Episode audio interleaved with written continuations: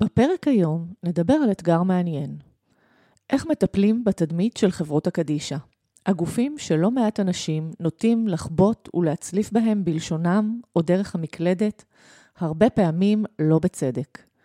איך משפרים ומרעננים את התדמית של האנשים השקופים שאנחנו פוגשים ברגעים הקשים בחיינו, אלה שעושים את העבודה שאף אחד אחר לא היה רוצה לעשות.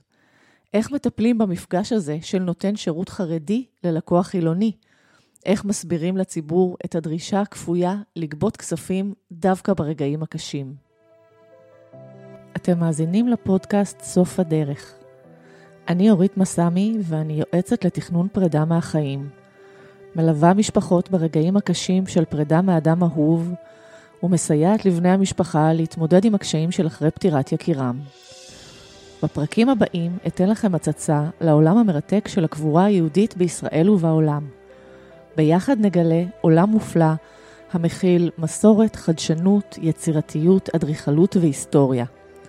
נפריך דעות קדומות, סטיגמות ואגדות אורבניות, ונחשף לרגישות של האנשים שזהו תחום העיסוק שלהם.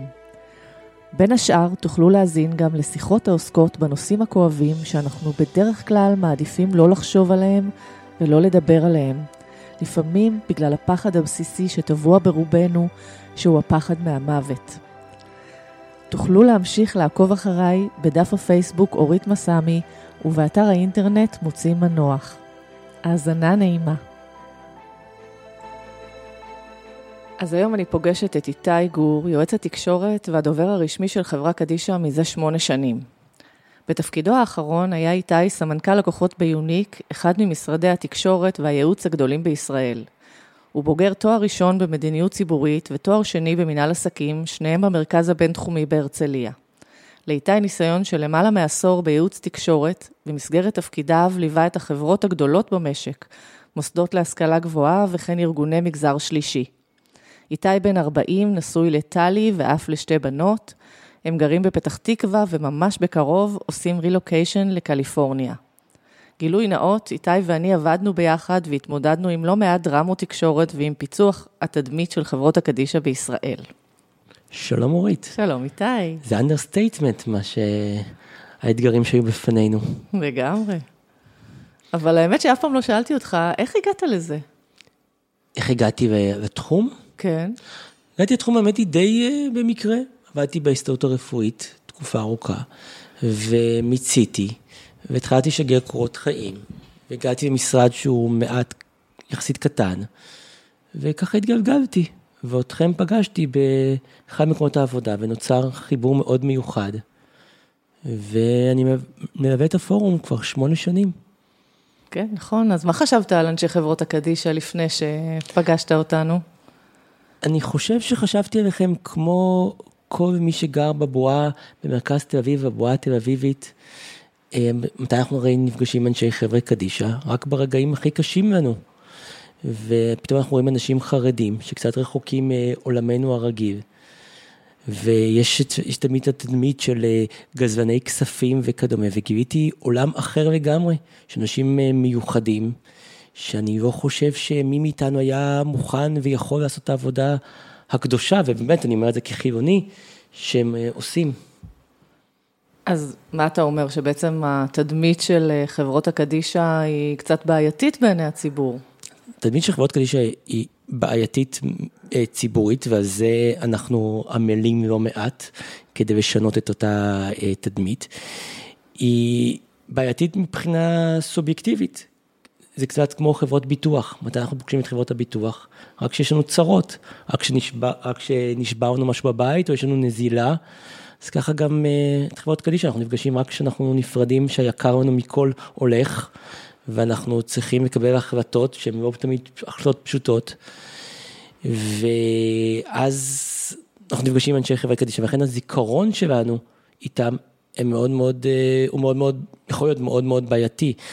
אנחנו צריכים גם לזכור שבסופו של דבר כשאנחנו מדברים על חברות קדישא, יש בארץ 600 חברות קדישא.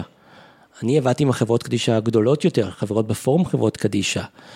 אה, אבל אנחנו יודעים שלצערנו הרב לא פעם אה, מתגלים מקרים בחברות שהן חברות יותר קטנות. והקורא האידיוט בה' לא מבדיל תמיד בין חברה גדולה ומסודרת לבין חברה קטנה יותר. הוא רואה את הכותרת, חברה קדישא, מבחינתו זו אותה חברה. ולכן נוצר איזשהו דימוי שמאוד מאוד קשה לשנות. את יודעת, כל כתבה או יחסי ציבור חיוביים שאנחנו עושים, לא פעם מתגלה כשל בחברה קדישא הרבה יותר קטנה, ותמיד לצערנו הרב זה הורס את המוניטין שאנחנו מנסים לבנות בחברות הגדולות. כלומר, בעצם אתה אומר שהעובדה שהציבור תופס את החברה קדישא כרשת עם סניפים, גורמת לזה שהוא תופס את כולם כמקשה אחת, ואז אם בעיר אחת יש איזושהי בעיה, זה משליך על כולם. נכון, רק בירושלים יש 14 חברות קדישא. אז מספיק שנתקלת בבעיה בחברה קדישא מאוד קטנה שקוברת, לצורך העניין, לשם הדוגמה, 10 או 20 אה, אנשים בשנה, ומתפרסמת עליה כתבה שביעית, החתמת את כל המותג הזה שנקרא חברה קדישא, ובסופו של דבר בעולם של מותגים, ושאנחנו כל כך הרבה כל הזמן סובבים במידע, ואנחנו מחליטים תוך כמה שניות, פתאום אנחנו רואים כותרת שביעית ב-ynet על איזשהו אי סדרים שהתגלו, וזה מחתים את כל 98% החברות האחרות, שהן חברות נפרדות לגמרי, עם הנהלות שונות לגמרי, עם מנכ"לים שונים לגמרי, עם עובדים שונים לגמרי, זה מחתים את כולם. אז איך בעצם התמודדת עם זה לאורך השנים? זה בדיוק היה האתגר. אה, בעיקר ביצירתיות אה, אינסופית ובהרבה בזכותך, אם יורשה לי להגיד.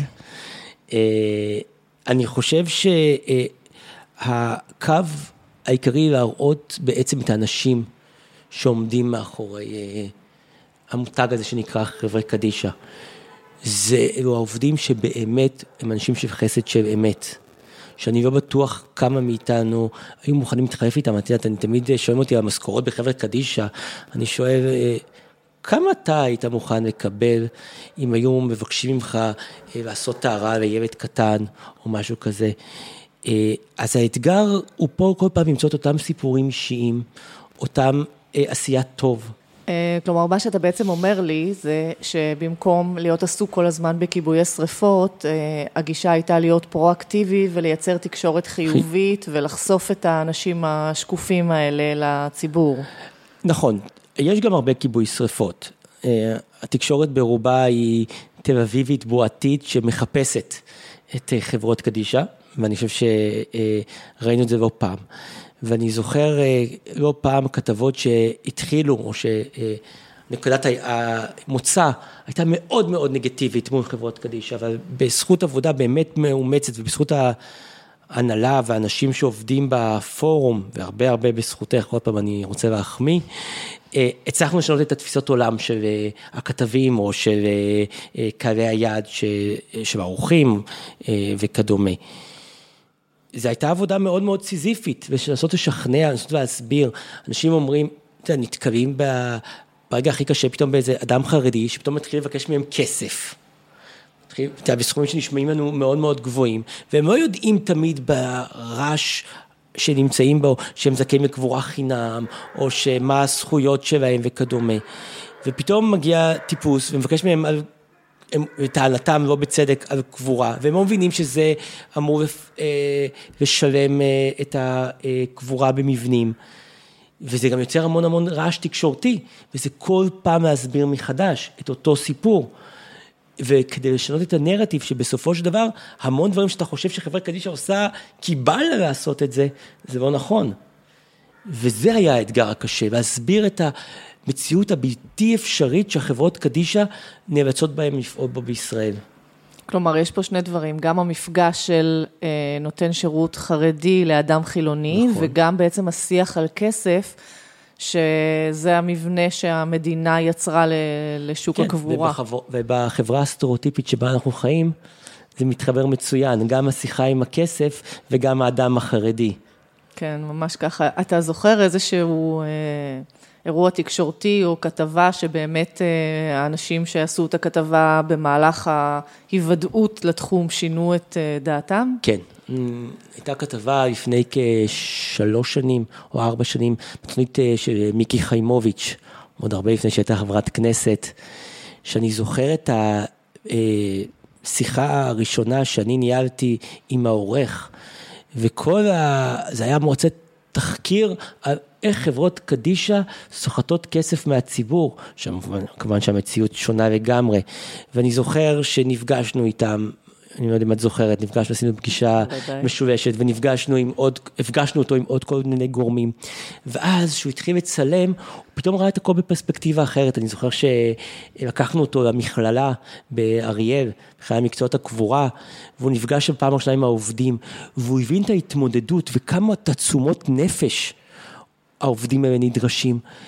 ולאט לאט אתה ראית, את ראית את השינוי שהוא עצמו עובר. לקחנו אותם לצלם גם אפילו בתוך חדר הטהרה. נכון. אפילו נחשפו נכון. לתהליך הזה. אני חושב שזו הייתה פעם ראשונה שמצלמות נכנסו לחדר טהרה. נכון, ממש ככה.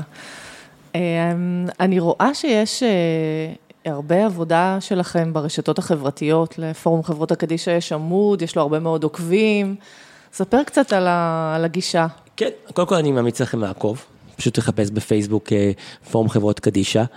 אה, אנחנו פונים שם לקהל הרבה הרבה יותר צעיר. אה, קהל שהוא לאו דווקא אה, מוות מתקשר לו לחיי היום-יום עצמם. ואנחנו מנסים להבין תוכן קצת אחר, גם משעשע, כדי לשנות את התדמית של חברות קדישא מהחברות האפורות האלה שמתעסקות. בסופו של דבר אנחנו יודעים שאנשים אוהבים כמה שזה מפתיע לקרוא, ואנשים כן אוהבים להתעמק, ולכן פיתחנו כל מיני פינות שהן קבועות, כמו מתים לדעת, שמספרת, אה, שמספר על אה, מנהגי האבלות היהודים ומאיפה הם באים. יש לנו על בתי קברות מעניינים ברחבי העולם, לא דווקא יהודים, אפילו לא יהודים, על מנהגי קבורה. של מקומות אחרים בעולם, ואנחנו גם מפיקים כל מיני פוסטים משעשעים, וכמות הלייקים והמעורבות היא פשוט בלתי נתפסת, שהתחלנו את התהליך, אני לא חשבתי שזה כזה ייצור באז אה, תקשורתי. אבל את יודעת, זה רק חלק אחד, אני חושב שהיו המון המון פרויקטים שהיו מאוד מאתגרים אה, תקשורתית. אני זוכר שהתחלנו רק את הקבורה הרוויה, עוד לפני שזה כבר הפך להיות אה, ברירת מחדל כמו היום. והיה, נעשה איזשהו סקר שמעט מאוד מתושבי גוש דן מוכנים להיקבר קבורה רוויה. ועשינו, אני זוכר, סדרה של כתבות שבעצם מנסות לשכנע את הציבור הישראלי שכנראה זה לא דבר כל כך רע, ואולי אפילו יש כמה יתרונות בלהיקבר בקבורה רוויה.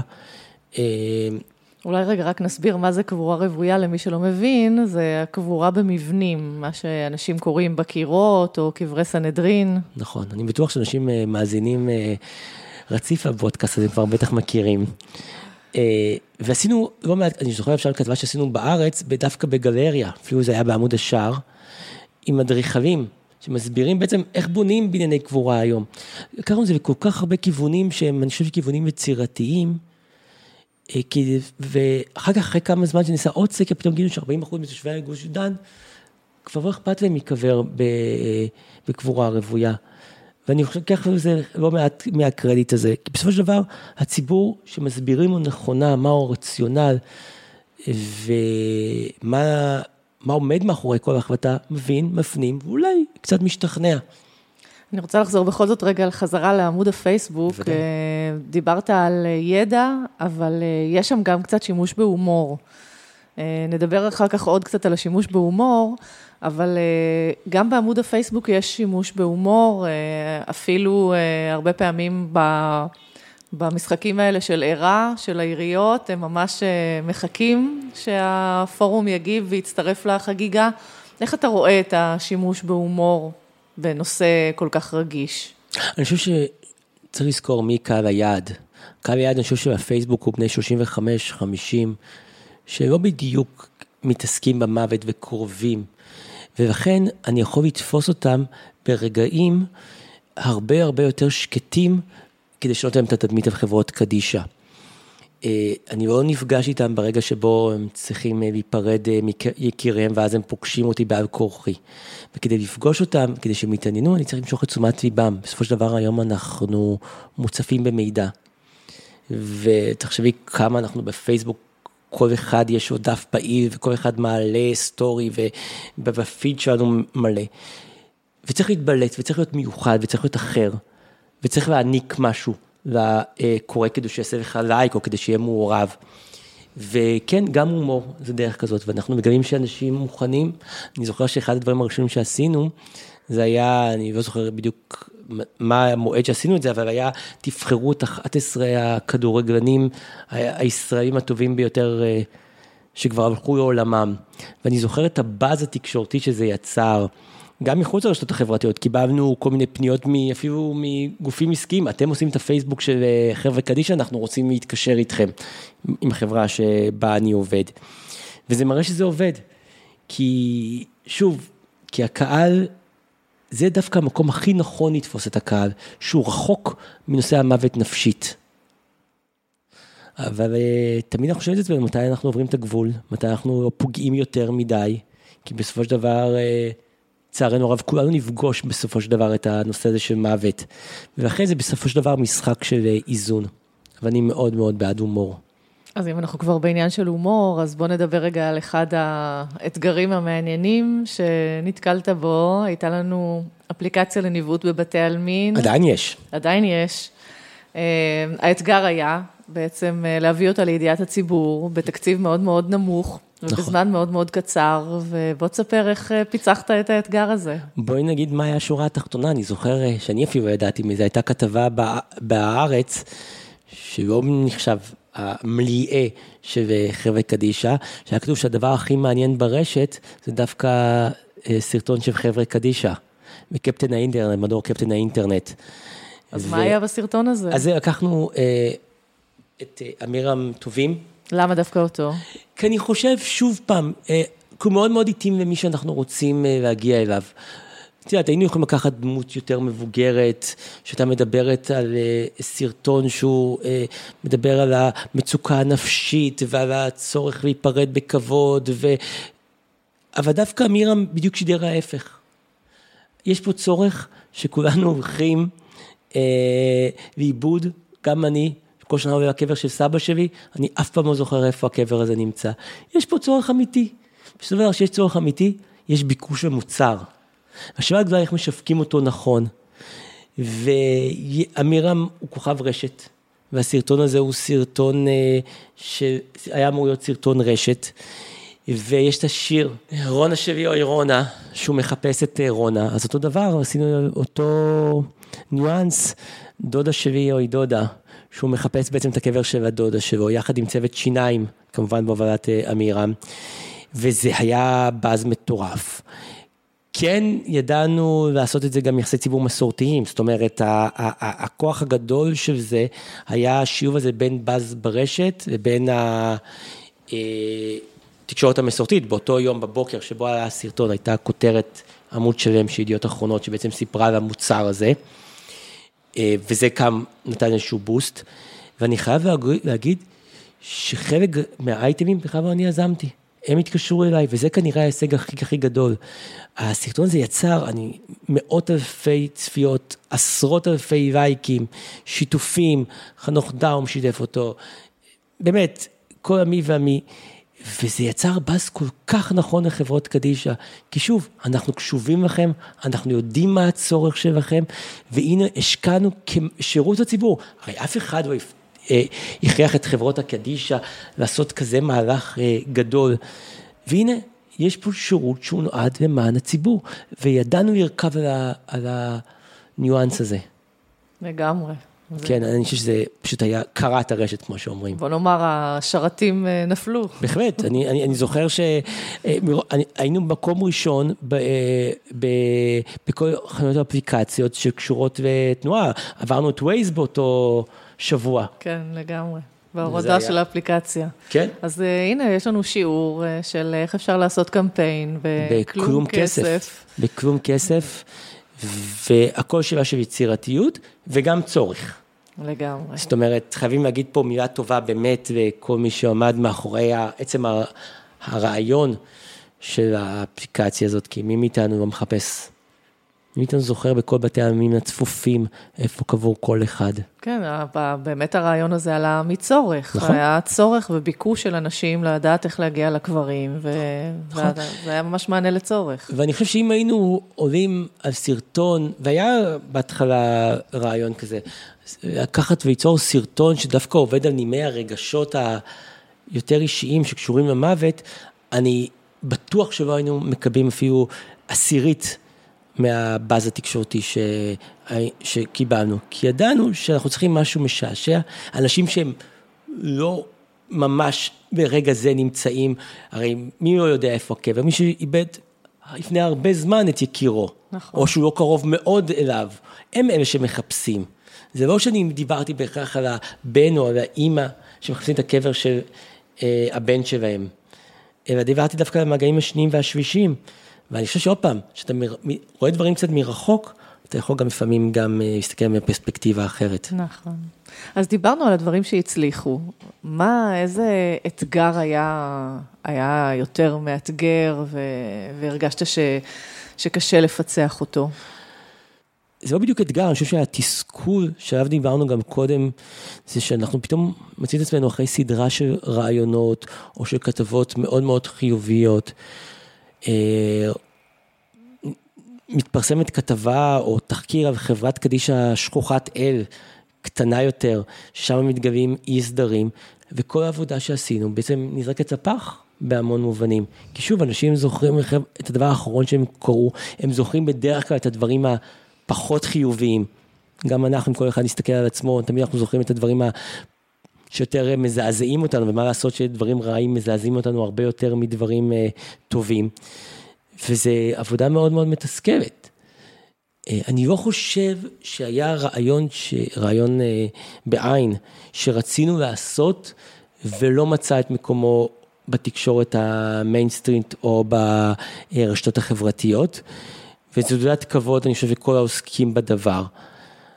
אבל... אה, התסכול הזה של, אה, שפתאום אתה משכנע כתב, ואז מגיע העורך שלו, ש... ולהתחיל את השיחות האלה מההתחלה, ולמה, ואיך, ומתי, וכמובן השאלה של כמה. ואחרי שאתה משכנע את העורך, אתה צריך לשכנע לא פעם את העורך הראשי, וזה פשוט קרבות סיזיפיים, זה קרבות כמעט יומיומיים, שאתה מתחיל אותה בעמדת אה, פתיחה מאוד מאוד קשה. ממש ככה. אז uh, אתה יוצא עכשיו לרילוקיישן, כן. ומישהו נכנס לנעליים שלך, איזה דברים uh, אתה, איזה טיפים יש לך בשבילו, מה עוד צריך לעשות כדי לשנות את התדמית של חברות הקדישא בישראל? אני אגיד משהו לא פופולרי, אני חושב שהתשובה לזה פשוט שהחברות הגדולות לא יקראו יותר חבר'ה קדישא. אני יודע שזה לא אפשרי, אבל אם את היית שואלת אותי מה צריך לעשות, כדי להבדיל בין אותם 15 חברות גדולות שקוברים כמעט 80 אחוז מהאוכלוסייה, לבין 585 החברות האחרות שקוברים פחות מ-20 אחוז מהאוכלוסייה, אה, הדבר הכי טוב שחברות קדישא היו יכולות זה פשוט לשנות את המיתוג. עכשיו נכון שזה מיתוג היסטורי וחברות קדישא נקראות ככה כבר אלפיים שנה, ואני יודע שזה גם לא אפשרי, כי מעורבים פה אנשים שתפיסות העולם שלהם לא פעם גם שונות מתפיסות העולם שלי, והם לא עושים את מה שהם עושים בשביל פרסום או בשביל יחסי ציבור, והמיתוג הוא לא תמיד מה שעומד אה, מנגד עיניהם, אבל אני חושב שזאת העצה שאני הייתי עושה. וביום יום אני חושב שלחשוף אה, את האנשים שעושים את העבודה הזאת. את יודעת, עכשיו אנחנו עשינו לא מעט כתבות על בעצם על אה, איך קוברים אנשים בעידן הקורונה. זה דורש תעצומות נפש לא מעטות מאותם אנשים, ואני חושב שאנשים הם בדיוק כמו הרופאים. הם ממש מסכנים את חייהם, תרתי משמע, אה, והם נוגעים וצריכים לבצע תהליך טהרה בגופות של אה, אנשים שנפטרו בקורונה, זאת אומרת, יש ודאות שהם נפטרו בקורונה, והם ממש מסכנים את עצמם.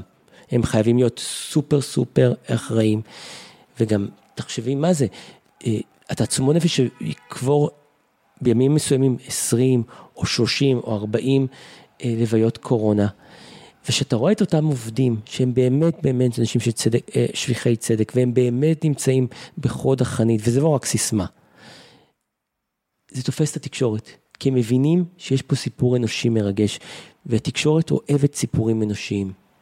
נכון, אני מסכימה. אגב, היה לנו גם את התערוכה של... אה, עדות מקומית. עדות מקומית, שגם שם בעצם התמונה המרגשת של עובדי הקבורה זכתה במקום ראשון, ראשון, יש הרבה רגש. נכון.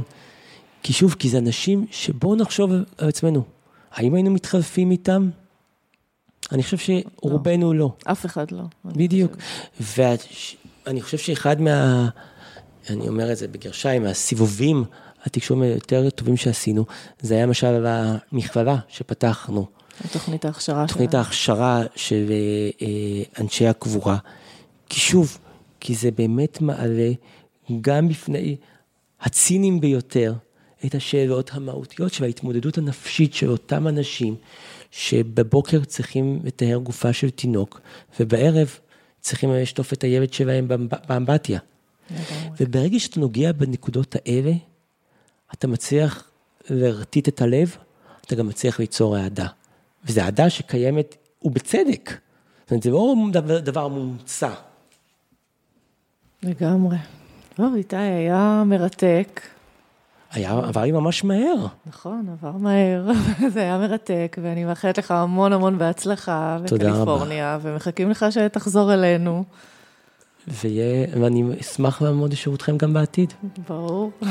תודה, אורית. ביי.